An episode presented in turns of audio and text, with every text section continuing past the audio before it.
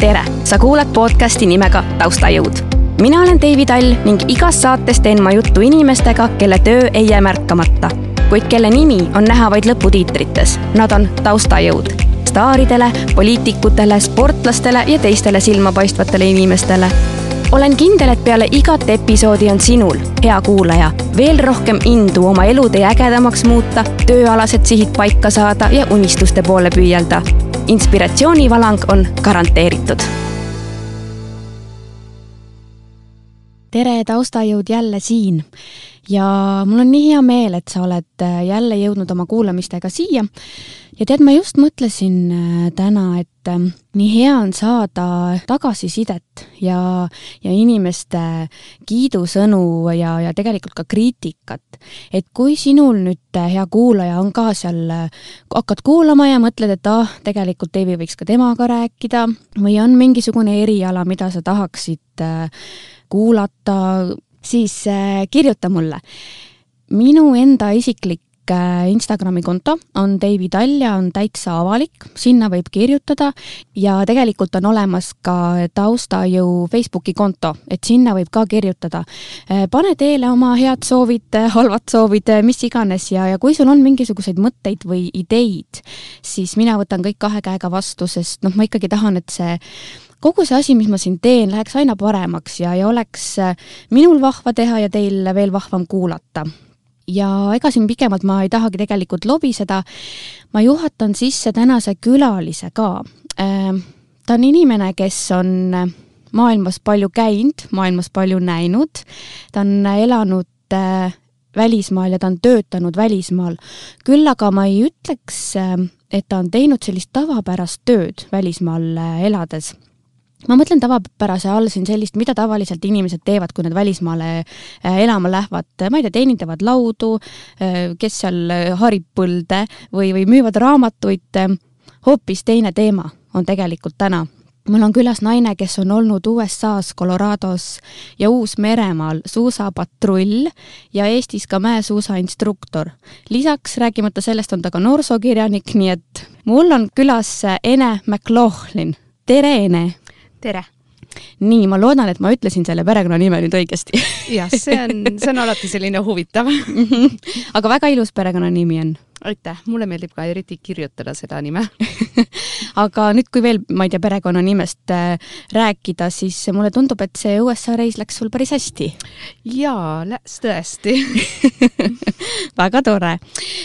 kuule, Ene, aga esiteks veel ma tahan sulle öelda aitäh, et sa tulid siia. aitäh kutsumast. meil oli see esimene kohtumine natukene niisugune konarlik, äh, Ene tuli siia kõik oma perekonnaga ja siis äh, juhtus väike äpardus, ei saanudki äh, seda podcast'i salvestada aga veel parem meel mul ongi nüüd, et sa tulid teist korda ja ma ikkagi, ikkagi käisin sulle pinda ja ikkagi tahtsin sinuga selle jutuajamise ära teha, sest et ma pean ütlema, mina ei tea mitte ühtegi inimest, kes on töötanud USA-s suusapatrullina või tegelikult ma ütlen, ma ei tea ühtegi inimest, kes on üldse töötanud suusapatrullina? see on jah, selline võrdlemisi spetsiifiline amet, mida Eestis erinevatel põhjustel ei eksisteerigi lihtsalt ja seetõttu on siis koheselt ka kokkupuude palju väiksem mm. -hmm. aga Eestis on siis äh, mäesuusainstruktor oled Eestis olnud? jah, täpselt mm. -hmm. kui kaua sa oled olnud mäesuusainstruktor Eestis uh,? või kaua sa olid? jah, esimene hooaeg oli kaks tuhat seitseteist, et siis ma alustasin ja nüüd tagasi Eestis olles ma jätkan sellega.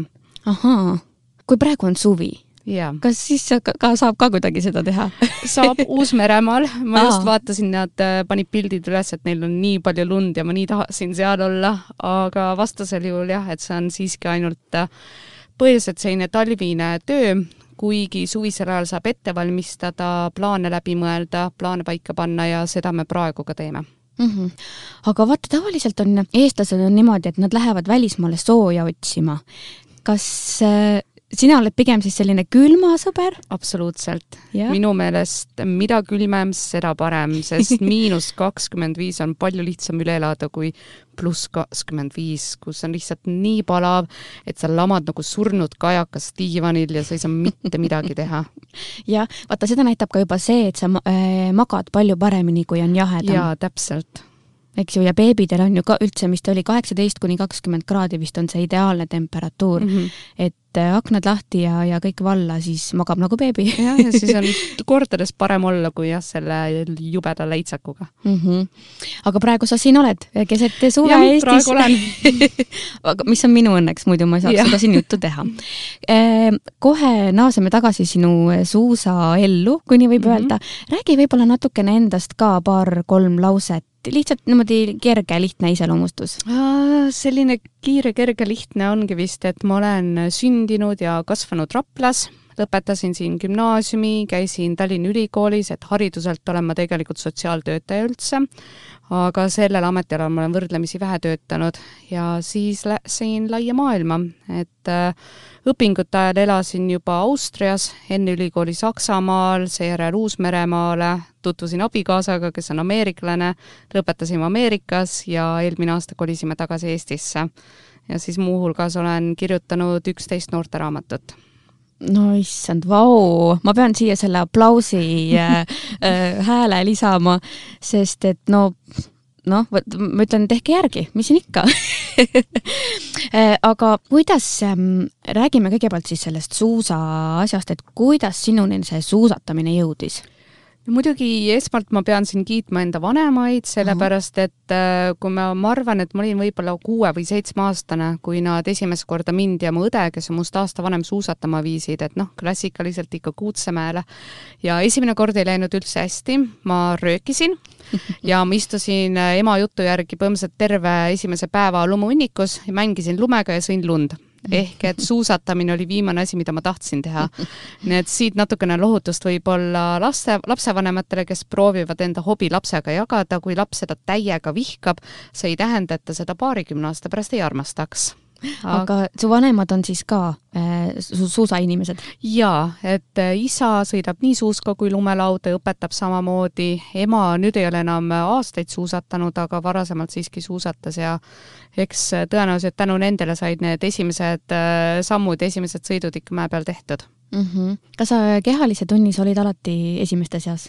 oo ei, mitte mingil juhul oh.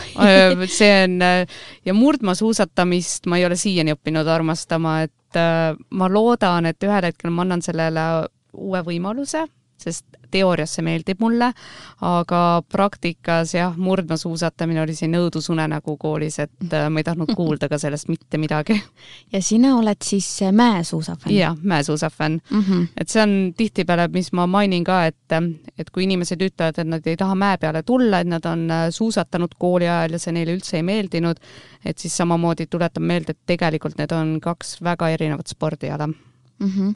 no vot, mina ka tean, eks ju, et sa oled siin olnud mäesuusa instruktor ja, ja, ja kõik see, aga ikkagi läksin sinna kooli, noh, kooli yeah. Ähm, põlve nii-öelda ja küsisin, et kuidas seal on, sest minule ka absoluutselt suusa, see suusatamine koolis ei meeldinud ma ei teagi, miks, tegelikult vahepeal vabal ajal ma ikkagi käisin suusatamas, tegin just seda murdmaad, noh, tavalist suusatamist, klassikalist, eks ju.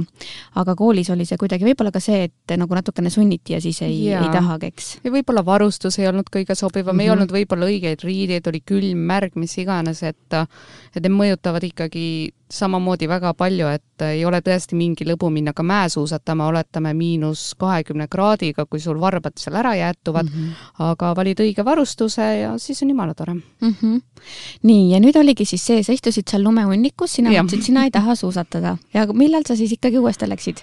Ma täpselt ei teagi, aga mingi hetk ma siiski hakkasin proovima ja noh, algul olin ma nagu kõik lapsed, et ma tulin mäest otsejoones alla, sest see on lastel tavaline, et pööramine on nõrkadele, et seda tuleb neile õpetada kui ma Rootsis peapõrutuse sain, siis ma otsustasin, et äh, võib-olla tuleb õppida pidurdama ja pöörama, et sealt tasapisi tuli ja, ja noh, siis nagu tavaliselt, et äh, aeg-ajalt sai siin ja seal suusatatud, et kas siis Eestis Kuutsemäel, äh, mõni suusareis Soome, Rootsi, Slovakkiasse, Austrias suusatasin korra, et mulle tõesti meeldis see, aga ma ei kujutanud ette ka, et mu karjäär võib olla suusatamisega seotud mm. -hmm. ja lihtsalt jällegi sellel põhjusel, et ma ei teadnud, et suusapatrull on olemas, ma ei teadnud isegi, et suusainstruktor võib olla töö. Ja mõnes mõttes oli kõik juhuse küsimus, et ma läksin Uus-Meremaale, ma sattusin tööle seal suusakuurorti ja avast- ja siis see maailm põhimõtteliselt nagu avas ennast mulle hoopis uue nurga alt.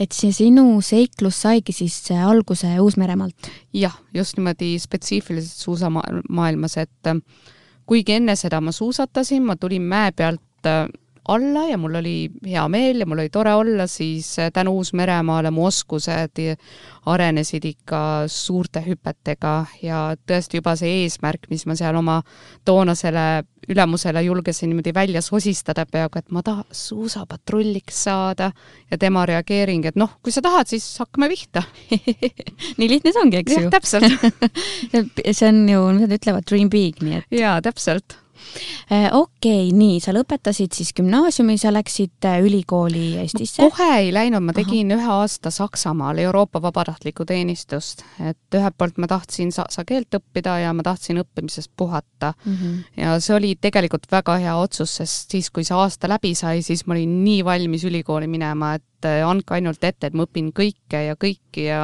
mis iganes ained, et nii huvitav, nii tore on. aga kust tuli valik sotsiaaltöö?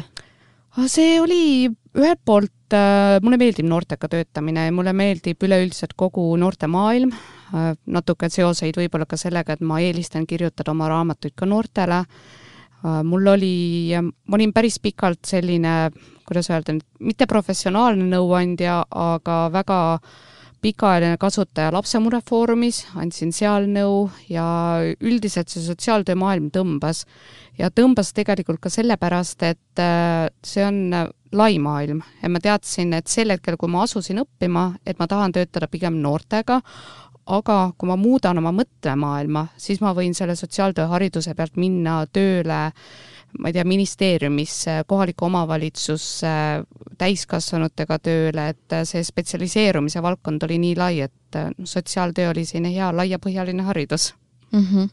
ja sa lõpetasid selle ära ja, ja mis siis sai?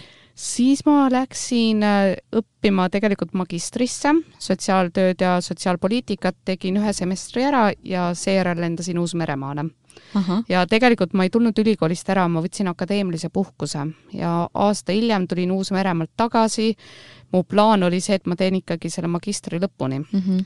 reaalsus oli see, et ma läksin äh, esimesse sessi, istusin loengus ja kuigi see oli nii tore, mulle tõesti meeldis see, siis ma lihtsalt mõtlesin, et eh, mida paganat ma teen siin see on tore ja huvitav, aga see ei ole see, mida ma hetkel teha tahan mm. -hmm. ja otsustasin, et võtan paberid välja ja noh, nüüd ma olen uuesti jälle magistriga ülikoolis, et teine eriala, aga see oli toona ikkagi hea otsus.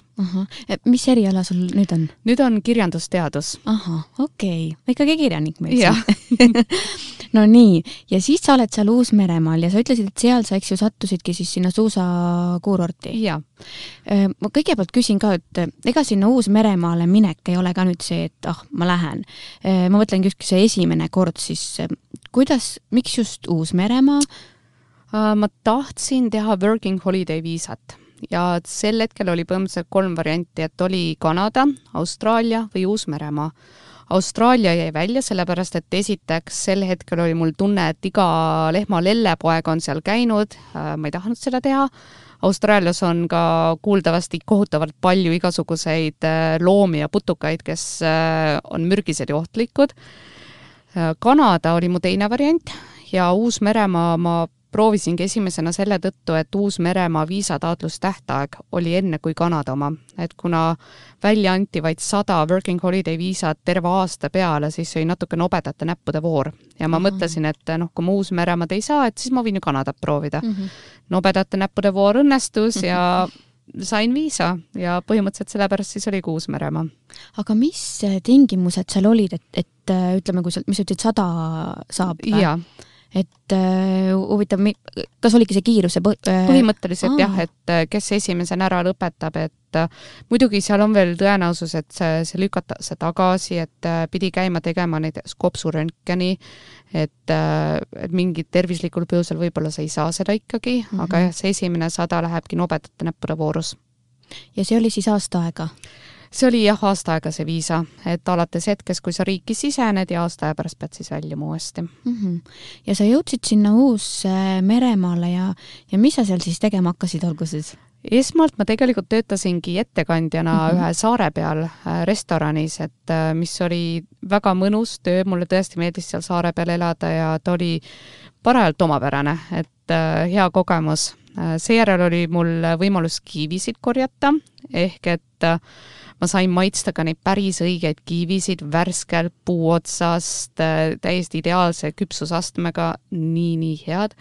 ja siis jõudsingi suusakuurorti, kus samamoodi mu esimene töö oli tegelikult baristana kohvikus ja kuna ma olin eestlane ja ma ütlesin seal, et ma oskan suusatada, noh, mida ma ka oskasin, et ma tulin siiski mäe otsast ilusti alla, siis ma saingi tööle just äh, mäe, mitte päris mäe tipus, aga mäe peal olevasse kohvikusse, mitte sinna, mis kõige all on Mm -hmm. ja sealt äh, tuligi natukene selline riburada pidi kõik need juhused, et äh, mina töötasin kohvikus, kus kohe kõrval oli suusapatrulli äh, nii-öelda meeskonnaruum või selline koht, kus nad istuvad ja ootavad väljakutset, mistõttu ma puutusin nendega väga palju kokku ma elasin äh, töötajate ühiselamus, kus oli samamoodi paar suusapatrulli, kellega ma sattusin suhtlema, kes rääkisid võimalusest, et sa saad ennast ära peita laviinipääste koerte jaoks, lumest tehtud koopasse.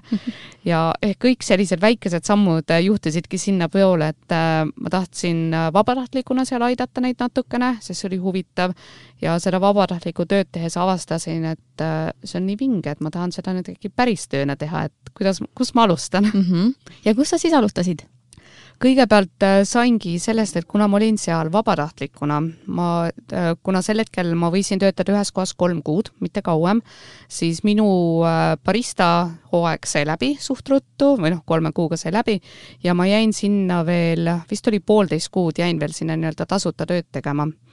Mis see aga andis, oli see, et äh, tiim sai minuga tuttavaks, ma meeldisin neile ja järgmine aasta, kui ma tagasi tulin, ma tulin tegelikult algul üldse enda abikaasa kaudu nii-öelda tema viisa peal mm. -hmm. Ja, ja siis, kui ma jõudsin juba Uus-Meremaale, siis äh, ülemused hakkasid taotlema mulle eraldi viisat, et ma võiks tööd ka teha mm. -hmm. ja õnneks õnnestus ja samamoodi, et kui, kui ma ei oleks jäänud sinna vabatahtlikuks esimene poolteist kuud tol aastal, siis ma ei usu, et nad oleksid äh, niivõrd kergesti mind järgmine aasta tööle võtnud, sest nad ei tea ju mind, et noh, nad teavad seda, et ma tahan tulla ja tahan seda ja teist mm -hmm. teha, aga nad ei tea mu päris nii-öelda võimeid ja mind kui inimest.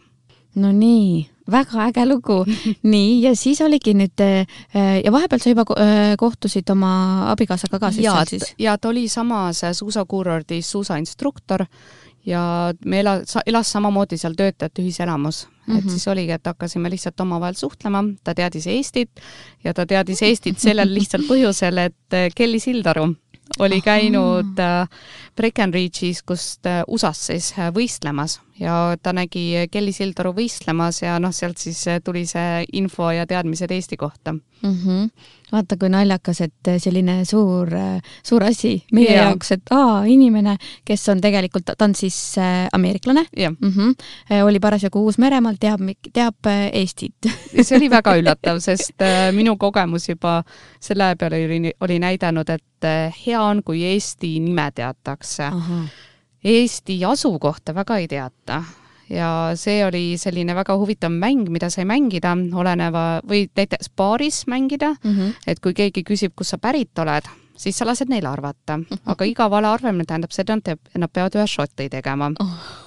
Nad ei arva seda ära, kust sa pärit oled, välja arvatud juhul, kui nad on kohtunud eestlastega või käinud Soomes aa, et ikkagi kuidagi Soomega on meil see seos, jah? ikkagi see natukene aktsent annab ära, et kui nad on soome, soome inglise keele aktsenti kuulnud, siis nad võivad -hmm. ära tajuda, et see ei ole päris sama, aga kui nad on juba Soomes käinud, siis tõenäoliselt nad midagi võib-olla kaardi peal vähemalt nägid Eestit.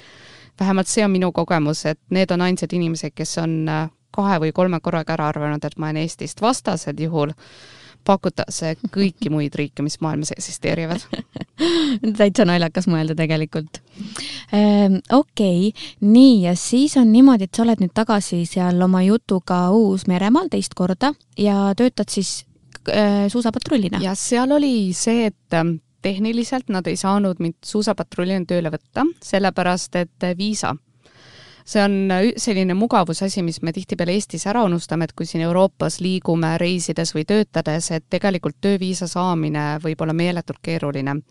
Nad ei saanud pakkuda mulle ametlikult suusapatrulli töökohta, sest viisa peal mul ei olnud ju suusapatrulli ameti kogemust, ehk et nad ei saanud ära põhjendada, mis just mind palgata mm. -hmm. ja siis, mis nad sealt nii-öelda ümber, ümbernurga leidsid, oli see, et me kasutasime ära seda minu vabatahtlikku töökogemust, mis seal oli, ja põhimõtteliselt mind palgati siis äh, raja turvalisuse meeskonda ja ma töötasin koos suusapatrulliga. Ja siis järgnevatel aastatel ma olin siis nii-öelda selle raja turvalisuse meeskonna tiimliid, äh, vahepeal, et selles meeskonnas oligi kolm inimest. Ja ka mingid erinevused olid seal sellised väikesed, et ma ei saanud seal näiteks minna kaasa laviinikontrolli tegema aga samas äh, eriti just mu viimasel aastal ma võisin juba patsiente ise minna vaatama, mis seal toimub, äh, kergemate vigastustega alla viia, ehk et nii-öelda reaalselt ma tegin põhimõtteliselt samu asju, mida teeb nii-öelda noor patrull aga paberi peal ma ei saanud patrull olla, sellepärast et mul ei ole piisavalt ametlikku patrulli kogemust mm. -hmm. kas äh, selle tõttu oli ka kuidagi su palk võib-olla väiksem või ei, ei saanud nad nagu suure, suuremat palka äkki sulle maksta? Ah, see ole, see erinevus oleks võib-olla olnud äh, paar dollarit äh, tunni kohta, et see ah., et see ei olnud õnneks nii suur erinevus mm. -hmm aga räägi nüüd, mida teeb suusapatrull, sa mainisid juba korraks, patsient sõna oli mm -hmm. siin äh,, laviinikontroll oli sõna ja. siin äh,. räägi näiteks, missugune nägi välja sinu äh, tööpäev äh,? Ärkasid ülesse, nii, panid soojad riided selga, läksid mäele jah, ja tavaliselt äh, suusapatrullid on esime-, ühed esimestest mäe peal, kes üldse liiguvad sinna, sellepärast et enne, kui saab avada tõstukid ja avada nõlvad äh, suusatajatele, enne ongi vaja siis teha see laviinikontroll. ehk et muuta nõlvad ohutuks, sest lumi, nii nagu ta tuleb, ta võib ühel hetkel hakata liikuma ja võib küll mõelda, et oh, mis see laviin ära ei ole, et noh, filmides mõnikord vaatad, et laviin on nagu selline, ma ei tea, tuhksuhkur mm, -hmm. et mhm. läheb sust üle, mis seal ikka, kaevad ennast välja, hurraa, kõik on korras mm. -hmm päriselt laviinid on metsiku jõuga, äh, Uus-Meremaalt on meil väga hea näide selle kohta, et ühel aastal, kui me tegime laviinikontrolli, ma olin sel päeval, mul oli vaba päev, ma olen endiselt äärmiselt pettunud selle üle, siis äh, vallandus äh, ühesõnaga meil, meie mägi konkreetne osa oli jaotatud viieks erinevaks laviinitsooniks. ehk sa pommitad ühte tsooni, läheb üks, pommitad teist, läheb teine. et nad on kõik eraldi mm. -hmm. ja tol korral, esimest korda terve selle mäe ajaloo jooksul, nad pommitasid ühte ja läksid kõik viis korraga ehk et see oli tunduvalt suurem, kui mingisugused ennustused või info ütles, et see võib olla. see laviin tuli alla ja murdis ühe meie tõstukiposti lihtsalt pooleks. Need tõstukipostid on äh, sellised kümme meetrit kõrged metallist, poolteist meetrit äh, ümbermõõt, nad on suured, nad on võimsad ja laviin tuli ja murdis selle pooleks nagu hambatiku Ossa. ehk et äh, jõud on seal tõesti suur. ja meie eesmärk laviini kontrolliga ongi siis see, et et äh, tavasuusataja, kes püsib kuurordi piirades, äh, ei lähe kuskile, kuhu ta ei tohi minna, et ta ei pea muretsema selle üle, et nüüd see laviin tuleb ja matab enda alla mm. -hmm kas see on siis see päeva esimene töö? see on see päeva esimene töö. sa korraks mainisid ka, et pommitate ühte, ühesõnaga te tahate, et see laviin siis äh, avalduks nagu ja,? jah, jah, et meie põhimõtteliselt äh, siis käivitame selle laviini ja mõnikord ongi, et sa pommitad, mitte midagi ei juhtu ja siis see on üks faktoreid, mille põhjal sa saad äh, nii-öelda nentida, et okei okay,, see see koht, see nõlv siin on nüüd turvaline, selle võib avada mm. -hmm. aga pomm, kuidas te pommitate seda lõhkained ikka ah,, jaa, täiesti, täiesti ongi, et uh, Uus-Meremaa erisus Colorado kuurordiga oli see, et seal tehti päris palju helikopteriga ka. ehk et helikopter tuli, võttis uh, patrullid uh, endale peale, siis lenda, lennati üles ja sealt helikopterist visati siis alla.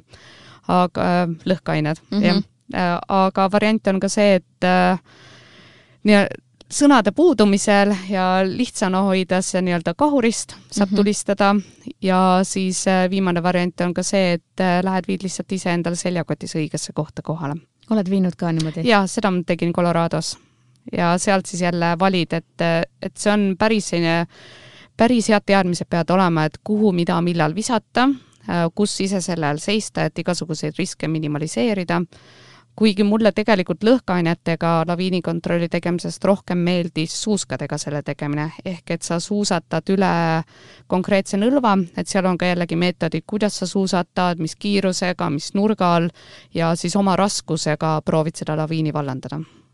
see on väga tore, kui see õnnestub issand, ja ma mõtlen, et kõik see, ütlemegi, siin on siis helikopterid, lõhkeained, kõik asjad, kõik on selle jaoks, et inimesed saaksid suusatama tulla? jah, et turvaliselt suusatama tulla mind täitsa huvitab see, et mis kogu see alguse äh, action nii-öelda siis maksma läheb, huvitav. kas ma ei kujuta ette ka seda. ma mõtlen, et helikopter äh, lendab seal üle, selleks mm -hmm. võtab need patrullid peale, viskate neid lõhkeaineid ja siis noh, teine tuleb, tal pole õrna aimugi, ta naudib oma hommikukohvi ja ta tuleb trillale, trillale, tuleb nagu sinna suusatama.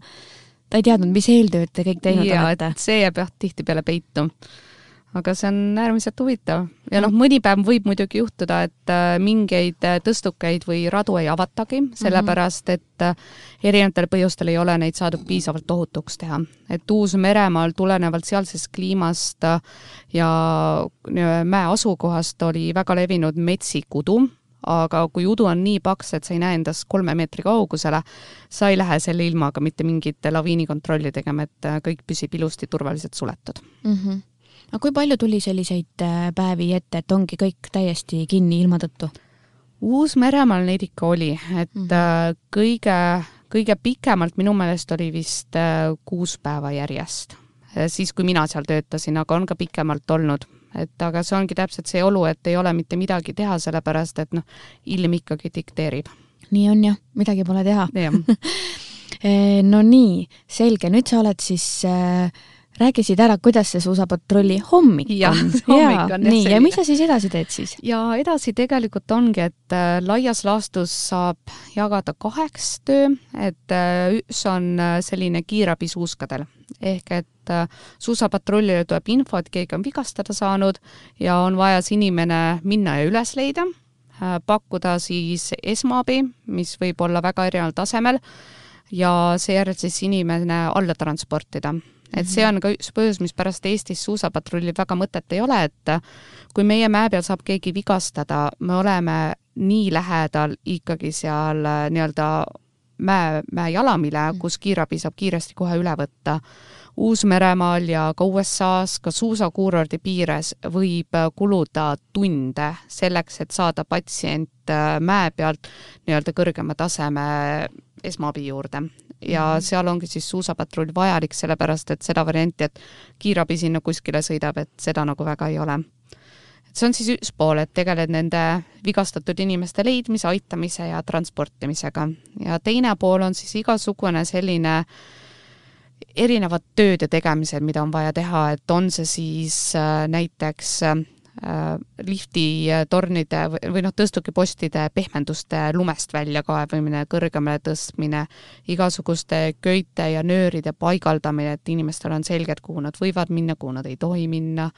Uus-Meremaal spetsiifiliselt, kui oli halva, halva nähtavusega ilm, siis äh, me panime värvi lumele mis on hästi huvitav, et kõlab naljakana. Mm. me võtsimegi värvi, mida kasutatakse põllumajanduses, et näiteks äh, värvid ära või noh, kuidas mulle seletati, et värvitakse ära seemned, mida puistatakse, et siis sa näed, kuhu mingeid seemneid on juba pandud mm. -hmm. meil oli tavaliselt sinine värv ja selle värviga tegime lumele otseses mõttes raja ette mis tegelikult toimis väga hästi, sest kui on äärmiselt, äärmiselt äh, halb nähtavus, siis sul kaob ära info selle kohta, kus on taevas, kus on maa mm. -hmm. ja sa võid lihtsalt sellepärast pikali kukkuda, et su, su aju ei saagi aru, et äh, kus sa oled, mis toimub, kõik on ühtlaselt valge. ja see sinine värv äh, lume peal aitas sellega, et ta andis sellist kontuuri ja me tegelikult nägime ka seda, et kui me hakkasime seda sinist värvi kasutama, siis inimesed jäid pikemalt mäele ja õnnetuste hulk vähenes. et see oli näite-, selline Uus-Meremaa spetsiifiline töö mm, -hmm. mida seal tuli teha. aga üldiselt jah, et äh, muidugi sa päris palju teeme ka igasuguseid treeninguid, et kas siis jälle laviiniga seotud treeningud, erinevad äh,, erinevate vigastustega seotud treeningud, varustuse kontroll, uuendamine, et kõik sellised asjad on vaja läbi käia. ja noh, suusatamine ka, sellepärast et sa pead olema hea suusataja, väga hea suusataja ja sa pead oma mäge võimalikult hästi teadma mm. -hmm. ma just mõtlesingi, et kui äh, sa oledki, eks ju, seal tööpostil ja siis tulebki kõne, et keegi on kuskil vigastatud, siis sa pead täpselt teadma, kuhu sa lähed, eks? jaa, ja see on tihtipeale kõige raskem osa, sest äh, väga hea on, kui inimene teab vähem rajanimetust, kus ta on. Aga võib olla ka niimoodi, et kogu info, mis sa saad, on see, et ta tuli tõstukilt maha ja pööras paremale. Mm -hmm. ja see on kõik. Kollane maja vasakul või paremal, mis oli. Äh, aga nüüd ma küsin, et mina näiteks kui külastaja, ma olen nüüd äh,, sain viga, kas mul on mingisugune telefon või mingi asi või kuidas nad teada annavad äh, üldse sinna kuskile üksusesse, et kuulge, halloo, kutsuge abi? jaa, kõige lihtsam ongi see, kui sul on olemas endal telefon, mis on täis laetud akuga väga tähtis, ja kuhu sa oled juba eelnevalt ära salvestanud äh, suusakuurordi numbri väga hea, kui on konkreetselt suusapatrulli number, aga ka suusakuurordi infotelefoni number, mingine telefoninumber, kuhu sa saad helistada. või siis ka otse hädaabiteenistusele helistamine, sest nemad samamoodi kannavad need kõned meile üle mm. -hmm. ja see on number üks asi. kui ei ole endal telefoni, siis äh, kellegi teise nii-öelda rajalt mahavõtmine, lehvitad ja palud neil alla suusatada, omakorda kellelegi info edasi anda mäetöötajale, kes saab siis enda poolt selle suusapatrulli teele saata mm. -hmm ja kui nüüd ütleme, sina sinna äh, vigastatu juurde jõuad, kas sul peavad olema ka noh, ütleme esmaabi need oskused ka ju või kas ja. ka mingisugune meditsiiniline mingi koolistus ja asju peab olema läbitud? Colorados äh, peab olema läbitud ja meil tehti niimoodi, et meil konkreetselt see meeskond äh, treenib igal aastal uued, äh, uued inimesed välja, et see on kuu, kuu aega kestev väga põhjalik koolitus kus isegi, kui sul on juba näiteks olemas EMT haridus, äh, noh, erakorralise meditsiinitehnika haridus, sa pead ikka seal osalema, sest see, mis teadmised sul on äh, nii-öelda haiglas töötamiseks mm -hmm. või mhm. kiirabis töötamiseks, mäe peal on kõik olud ja varustus nii erinev, et sul on vaja mõnes mõttes ümber õppida ja väga suure varustusega ma reeglina ei lähe, sellepärast et äh, nagu öeldud, et kõigepealt sul on vaja see inimene üles leida palju lihtsam on saata üks patrull või noh, meil enda nii-öelda taskutes ja igal pool on juba mingine põhivarustus olemas. tihtipeale sellest piisabki, aga mm -hmm. jah, kõige esmane on saada patrull kohale, et saada see kiire ülevaade, et äh, mis toimub ja kus toimub ja seejärel saadetaksegi riburada pidi siis äh, sealt patrullihütist järgmised inimesed koos vajaliku varustusega aga mis need põhilised vigastused on, kas ongi seal mingid, et kukutakse ja luumurrud või mingid ka ära, ma ei tea, jäätumised? äh, kõige rohkem on äh, siiski erinevaid äh, põlvevigastusi, ta, ta just suusatajatel hästi palju ja lumelauduritel on hästi tavalised randmevigastused ja õlavigastused.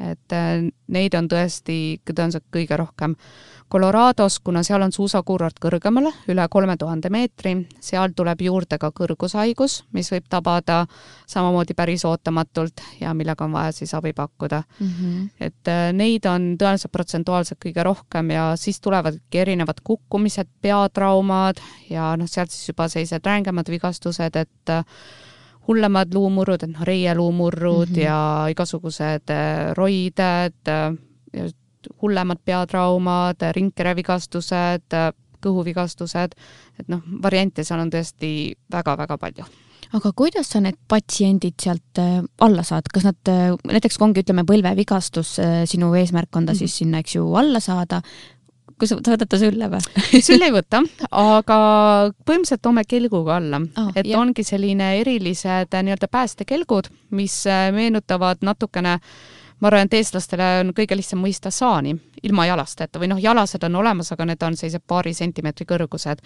patsient lamab seal pikali ja siis äh, nii-öelda selle päästekelgu aista vahel on siis suusapatrull, kes mm -hmm. suusatab seal ees ja kontrollib siis kelgu kiirust ja suunda ja tema roll on siis turvaliselt alla viia kui on eriti jäised olud, sest noh, me kõik oleme kelgutanud, me teame, et jää peal mm -hmm. libiseb ju kelk palju kiiremini siis selle jaoks on olemas variant, et sa saad äh, kelgule keti ette panna, mis aitab seda pidurdada, või siis kelgu tagaosas on köied, ehk et sa võid tellida või noh, kutsuda appi lisapatrullid, kes siis aitavad omakorda veel seda kiirust äh, kontrolli all hoida.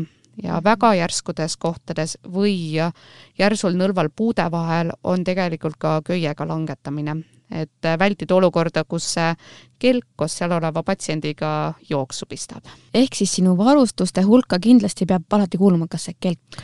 Jah, aga sellega on samamoodi, et äh, oleneb sellest, milline see kutse on ja kes kutsub, ehk et kas me saame usaldada infot selle asukoha osas ja vigastuse osas, võib jällegi olla, et mina seda kelku endaga kaasa ei võta. et ma lähen otsin kõigepealt patsiendi üles ja siis tuleb keegi teine ja toob selle kelgu mulle kohale mm. -hmm. kas on ka niimoodi juhtunud, et sa ei ole leidnud? oi, väga palju ah,, jah. ja et seal on erinevad põhjused, et üks põhjus on see, et on Äh, valeinfo tulnud, et äh, mis rajal nad on. Äh, teine põhjus on see, et patsient kukkus korra, aga ta tundis ennast hästi ja selle peale, kui sa kohale jõuad, on ta juba minema läinud mm. -hmm. ja mõnikord on juhtunud ka seda, et helistatakse, aga inimene on helistanud valesse kuurorti ja õnnes ühel või teisel hetkel tuleb see siiski välja, mhm. sellepärast et nad ütlevad võib-olla rajanime, mida sa tead, et meil ei ole kindlasti selle mäe peal, või tõstuk, mida meil ei eksisteeri, ja siis sa saadki mõelda, et oot-oot-oot, sa oled selliseid valesse kuurorti, et las ma, las ma saadan su õigele poole teele nüüd. kui kaua on kõige kauem mingit inimest otsitud?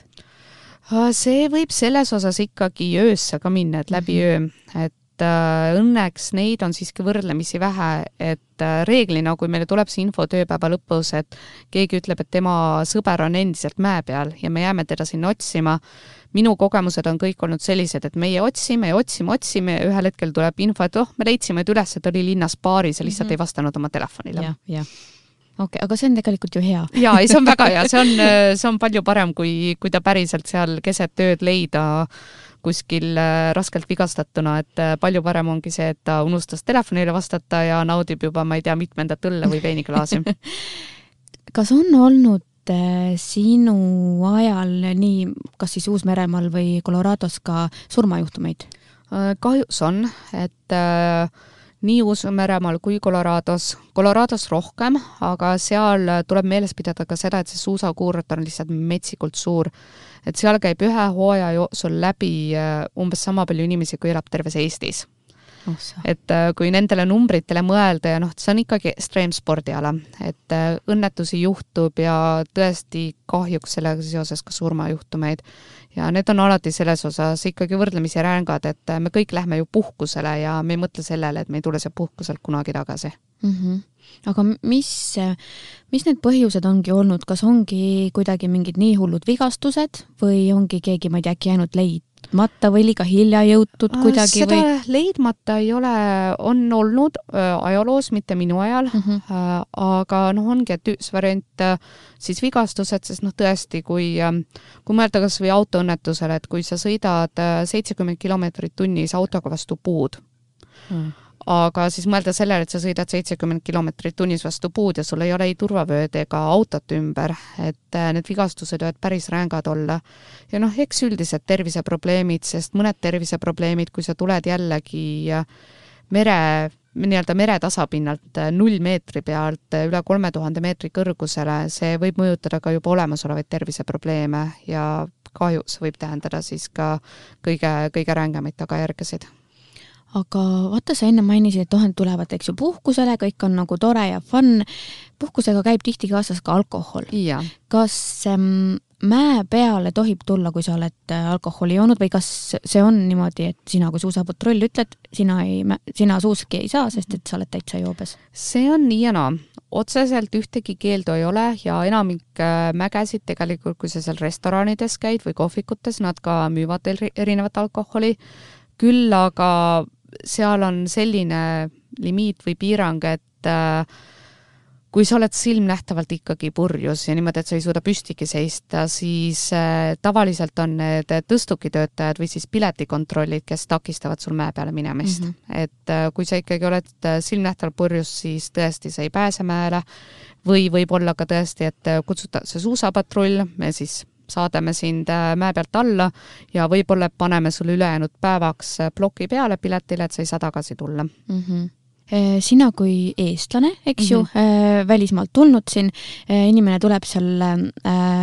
puhkama ja, ja sina hakkad talle midagi, noh, ma ei tea, ütlema seal siis, ma ei tea, kas õpetama või kuidagi sellist, kuidas, ütleme, Uus-Meremaa või siis Colorado inimesed sind vastu võtsid, kui nii-öelda a la sina turist tuled siia õpetama mind, et ei, ei, mis asja ma saan ise nagu?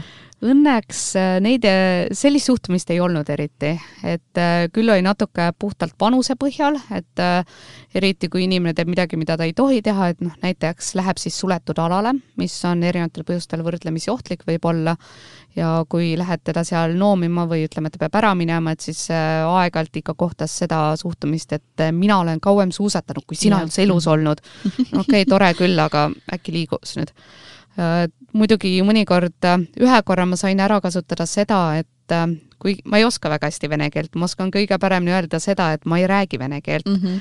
aga ma tunnen ära, kui inimene ju räägib vene keelt ja Uus-Meremaal siis äh, saingi ühte inimest šokeerida sellega, et ma ei mäleta enam, mis põhjusel ma ta mäe pealt alla juhatasin, äh, ma ei mäleta, mis ta teinud oli, aga ta tee peal helistas enda sõbrale ja kirus midagi vene keeles mm, -hmm. et mhm. noh, ikkagi nii palju sain aru, et see ei olnud selline positiivne vestlus ja kui ta telefoni ära pani ja ma siis talle vene keeles ütlesin, et tead, ma räägin ka vene keelt siis tal oli ikka päris suur šokk, et ta ei pidanud teadma seda, et ma tegelikult mitte millestki aru ei saanud, aga ma sain talle öelda, et ma, et tead, ma sain aru, mis sa ütlesid ja ta jäi seda päris uskuma ka ja ta oli ikka päris rabatud sellest. ja, ja vaata, nii et hoopis väike kasu ka, et ja. tuled siit Venemaa külje alt no ja venelasi on ju niivõrd palju, need ja. on igal pool siin mm. -hmm. aga eesti keelt kahjuks jah, ma põrkasin paari inimesega kokku, positiivses mõttes põrkasin mm, -hmm. Colorados tegelikult mäe peal poolkogemata paari Eesti perega, et see oli hästi-hästi lahe ja noh, Uus-Meremaal äh, mõned eestlased, kes ka seal töötasid, äh, käisid külas ja üks mu kolleeg oli hoopis soomlanna. et äh, selliseid erinevaid huvitavaid kokkupuuteid oli mm. -hmm.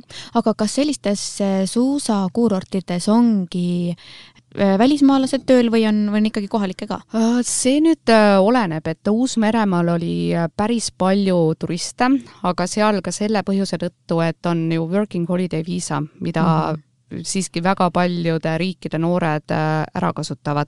Ja seetõttu oli seal väga palju mittekohalikke.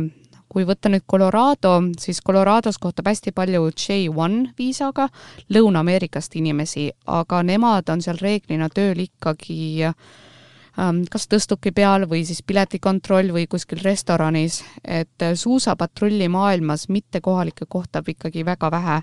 Ja peamine põhjus on see, et ähm, see ei ole töö, mida või noh, ei taheta näha vaeva sellega, et sa tuled, on juba teada, et sa oled ainult üks hooaeg, nad õpetavad sind välja, terve esimene hooaeg sa oled mõnes mõttes natuke nagunii selline lapse rollis, et sind mhm. hoitakse enam-vähem käes kinni, et õpetatakse välja, et äh, seal ei ole mõtet õpetada välja inimest, kes teab, et ta jääb ainult üheks äh, hooajaks ja kuna eriti just USA ka ei sponsoreeri suusapatrulle viisadega, siis seal oligi äh, sa pidid selle nii-öelda töövõimaluse või tööloa saama mingil, mingil muul moel, et siis seal suusapatrullina tööd teha. räägimegi natukene sellest ähm, USA-st ka, sa läksid siis äh, USA-sse või abikaasaga, mhm. jah, et äh, et oligi noh, USA-sse kolimisel äh, mul oli kaks varianti või noh, meil oli, et äh, me kas teeme kihlatu viisa ja siis ma kolin USA-sse või abiellume ja siis teeb juba abikaasa viisa ja siis äh, saab sealt elamisloa. me võtsime selle teise variandi, sest see oli meie sobivam ja noh, üle aasta aja ja tublisti raha hiljem siis saingi lõpu, selle viisa elamisloa kätte ja võisin USA-sse kolida ja nüüd äh, sa võidki minna sinna, lähed lihtsalt sinna, enam mingisugust hostlit väga pole või? no nüüd, mis tegelikult muutus, oli see, et äh, mul on äh, USA kodakondsuse tõttu ka. ehk et kui on lihtsalt elamisluba, aga sa reaalselt ei ela USA-s sellega, osad inimesed ütlevad, et nemad on saanud kolmkümmend aastat niimoodi seda elamisluba hoida, et nad ei ole tegelikult USA-s üldse viibinudki. aga mm -hmm. see on selles osas natuke selline noh, kas sa ikka julged seda teha või mitte, sest võib-olla, et ühe korra, kui sa USA-sse lähed, siis piiri peal vaat-, nad vaatavad, et sa ei ole tegelikult seda residendi nõuet täitnud ja nad võtavad sult selle elamisloa lihtsalt ära mm. -hmm. okei okay,, see protsess on pisut pikem, aga niimoodi mhm. lihtsustatult mm -hmm. on selline.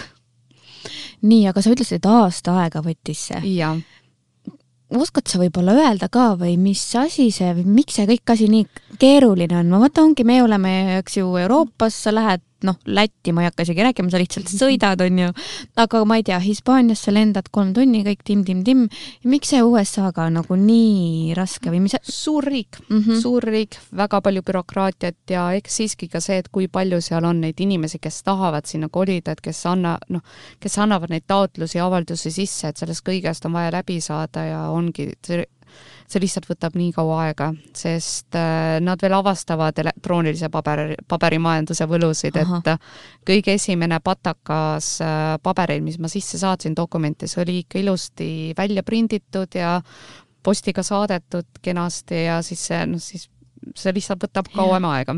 aga mida nad nii-öelda sinult nõuavad? oi, see esimene kord, oi, nõudsid palju seal oli muidugi avaldused ise, seejärel tõestus, et äh, minu ja abikaasa suhe on ikkagi päris mm. -hmm. kuidas sa seda tõestasid? Äh, kõiksugused fotod mm, -hmm. Face, Facebooki enam-vähem staatuse uuendused, et neid asju me tege-, noh muidu me ei ole väga sellised inimesed, kes näiteks Facebookis koos räägivad, et oo, me nüüd käisime yeah, siin yeah. ja seal, aga kuna me teadsime, et paberimajanduse jaoks on vaja, siis seda me hakkasime juba suht varakult tegema, et siis oli pärast hea hiljem võtta et siis olidki, et igasugused fotod, et tema koos minu, minu sõpradega, mina koos tema perega, äh, lennupiletid, et me oleme ühel ajal käinud ühes kohas äh,, igasugused sellised pangaväljavõtted, et äh, Uus-Meremaal näete, meil oli pank pangakonto on meil üheskoos võetud, et kõik sellised tõendid, mis põhimõtteliselt näitavad, et olete omavahel reaalselt ka seotud mm. -hmm tervisekontroll, et arsti juures pidi käima, et samamoodi Eestis on võrdlemisi Äh, minu meelest jah, Hüs kliinik vist vähemalt äh, toona oli, kes on tegelikult saanud saatkonnalt loa, et sa võid üldse sinna, et nemad nii-öelda võivad seda äh, tervisekontrolli teha mm, -hmm. vaktsiinid, millised sul on tehtud, milliseid sul ei ole tehtud, mida on vaja uuendada ja siis muidugi kõige, kõige lõpus veel intervjuu saatkonnas. appi. see oli selline para-, paras, paras pikk protsess ah,. ja kõikidest riikidest, kus sa oled elanud äh, kas see oli vist nüüd kauem kui pool aastat, on sul vaja kindlasti võtta ka väljavõte, et äh, kriminaal, noh, nii-öelda karistusregistri väljavõte. et siis mm -hmm. mina pidin lisaks Eestile selle taotlema ka Uus-Meremaalt ja Saksamaalt. ikkagi korralik ettevõtmine, eks? täiesti, täiesti korralik, see oli hea meel, et see möödas on mm. -hmm. sina võib-olla aimasid, et et kogu see viisamöll on, on paras selline seiklus, aga kas sul abikaasa ka teadis, ma mõtlen, kui tema, kui on USA-st pärit, kas ta nagu kujutas ette, et tema riigis nagu tahetakse tegelikult väga-väga palju, et ei ole see midagi nii lihtne, see naise võtmine. ja ta tead, ta teadis, kui jube see on ja mm -hmm. ma mhm. arvan, et äh, kui tema seda kõike teinud, siis võib-olla me ikka veel ajasime neid pabereid -hmm. aga õnneks, tema õnneks tegin ma seda kõik ise ja tema asi oli lihtsalt alla kirjutada ja üle lugeda ja noogutada. jah, põhimõtteliselt, et ja muidugi hästi palju oli siin tõesti abiks ka erinevad internetifoorumid, kus, äh, sest seda ankeeti täites juba tekkis erinevaid küsimusi, et kuidas mm -hmm. ma mida mhm. kirjutama pean ja siis küsida nendelt inimestelt, kes on selle tee juba läbi teinud, kes on lugenud mingeid erinevaid juhiseid, asju, sest see informatsiooni hulk on lihtsalt meeletu mm. -hmm ja siis sellega võrreldes abikaasale Eesti elamisloa taotlemine oli just lillepidu ja Colorado siis sellepärast, et kas sul abikaasa on sealt pärit? ta mhm. on, tegelikult on selline, ta ütleb enda kohta Navy brat, kuna oh. tal vanemad olid sõjaväes, siis ta natukene kolis lapsepõlves, aga enam-vähem teismea lõpust on Colorados elanud ja vot see ongi siis tema koduosarik. pluss seal mäe peal ta oli juba töötanud issand, ma ei teagi, seitse aastat, seitse talve, midagi sellist äh, selle peale, kui meie kohtusime, et see oli loogiline koht, kuhu minna mm. -hmm.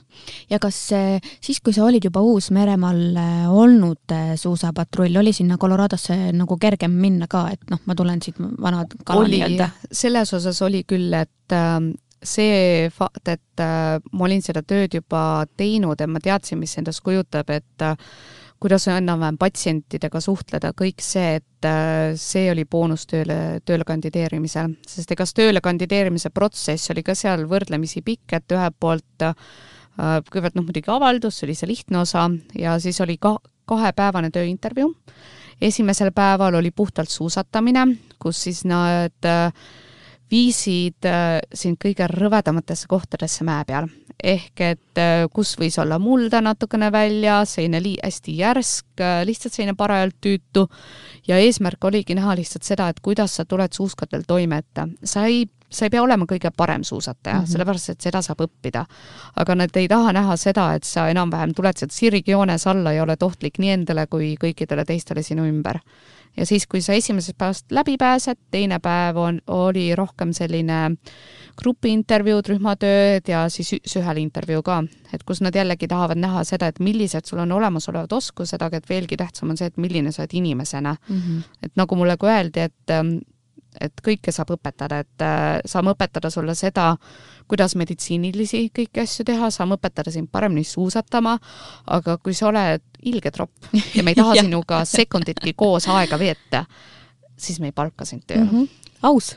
Ja väga aus ja võttis selles osas natukene pinget vähemaks ka, et mm -hmm et peamine oligi lihtsalt olla noh, tore inimene mm. -hmm. mis nad ütlevad, see kill them with kindness? jah, täpselt ehm, aga kui kaua sa siis äh, Colorados äh, olid? Ah, Colorados ma töötasingi niimoodi, et ma tegin ühe hooaja seal suusainstruktorina, et see oligi nüüd seoses minu viisaga, et ma sain oma, ma sain oma elamisloa kätte novembri lõpus aga kuna mul oli olemas ka tööpakkumine suusapatrulli jaoks, aga nad alustasid väljaõppega novembri alguses, ehk et ma lihtsalt ei jõudnud sinna, millest mm -hmm. oli mõneti kahju, aga teiselt poolt äh, ma saingi seal siis teha ühe hooaja suusainstruktorina, omamoodi jälle väga kasulik, et äh, et äh, valmistudes ette Eesti õpetamisest näiteks, et sealt ma sain, õpetasin ühe hooaja jooksul ikka väga palju rohkem inimesi, jälle see kogemus teiselt poolt mu abikaasa murdis jalaluu paar päeva enne seda, kui ma tööd alustasin mm. ja suusainstruktori töö kõrvalt oli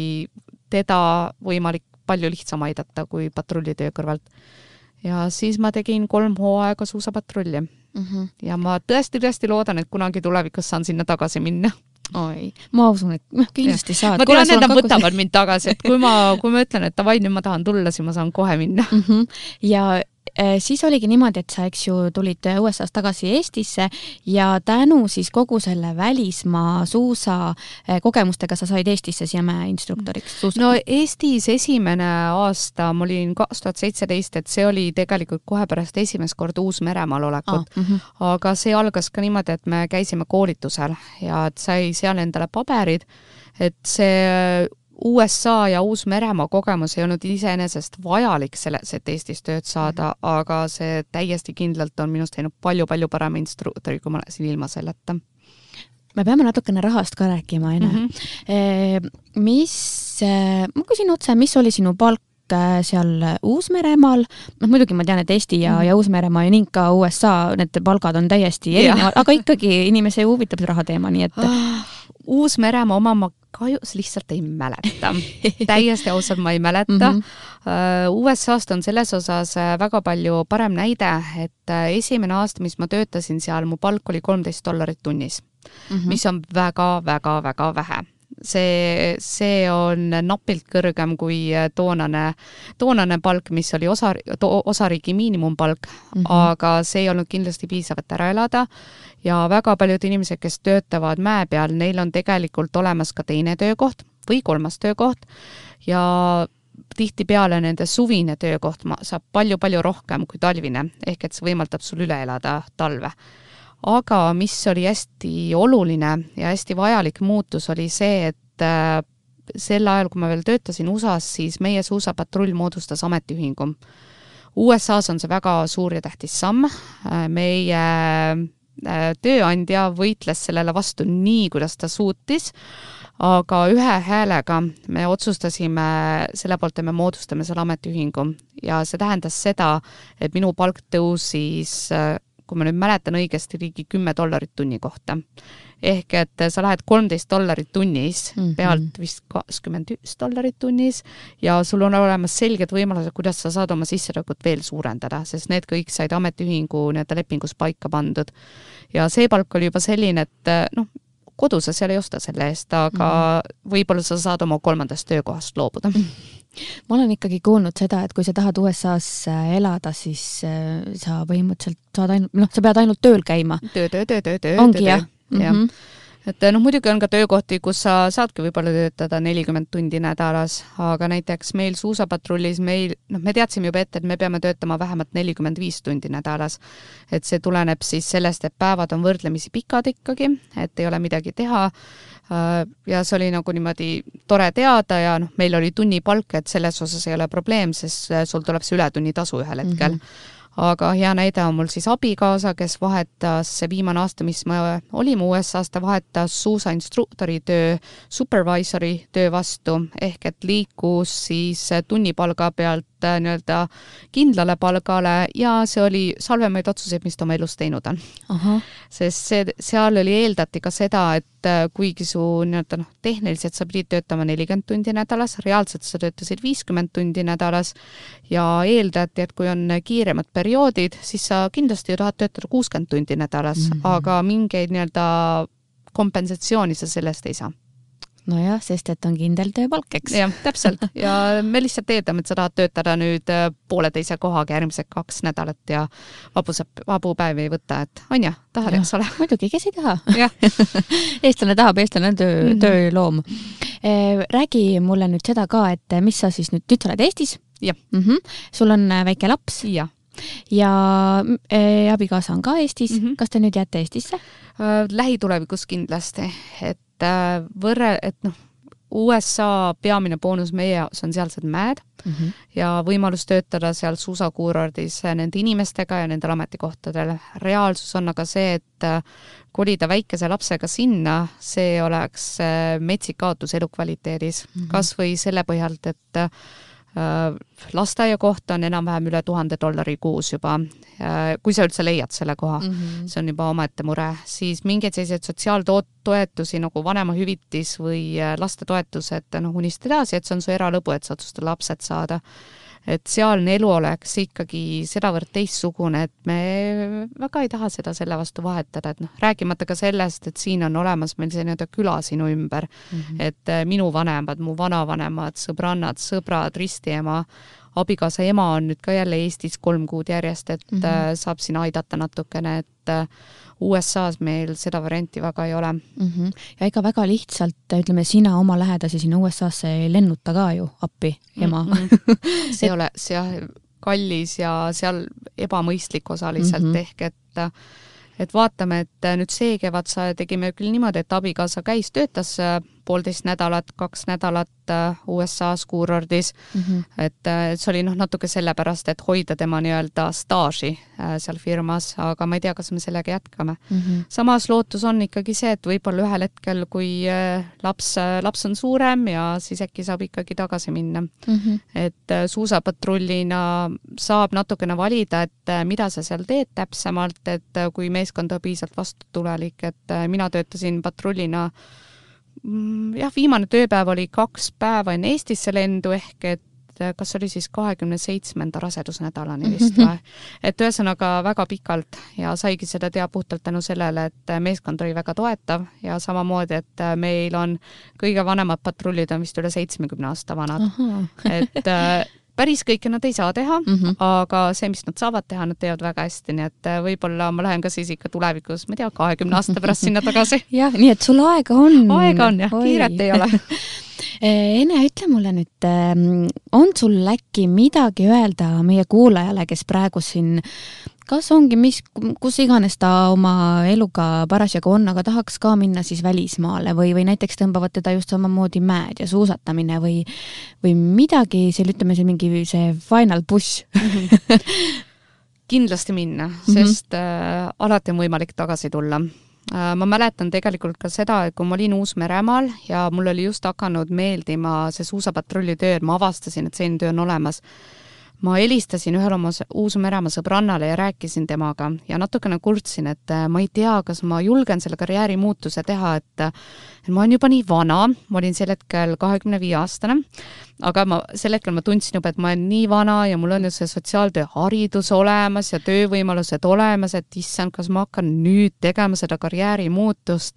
noh, jumal tänatud, ma tegin, sest tõesti kakskümmend viis ei ole, ei ole mitte mingisugune vanus ja alati alati ongi võimalik ju tagasi tulla, et äh, see, et sa käid kuskil ära ja sealt tagasi tuled, see ei ole ilmtingimata ju mingi läbikukkumine või et nüüd läks midagi halvasti, sa käisid, sa said kogemused ja sa tulid tagasi. et äh, kes mõtleb, et võiks minna või tahaks minna, siis sada protsenti soovitan, et minge et kindlasti leiab selle võimaluse mm. -hmm. no vot, ja ma arvan, et sellega meil ongi siin ideaalne lõpetada, tund läks nagu wow, sõrmenips. Äh, aitäh sulle, Ene, veel kord, et sa tulid, mul on hea meel, et sa oled tagasi Eestis. jah, mul ka. Ja aitäh sulle, armas kuulaja, kes sa seal teisel pool oled. Ja ega mul ei olegi rohkem midagi öelda, järgmise korrani, tšau ka!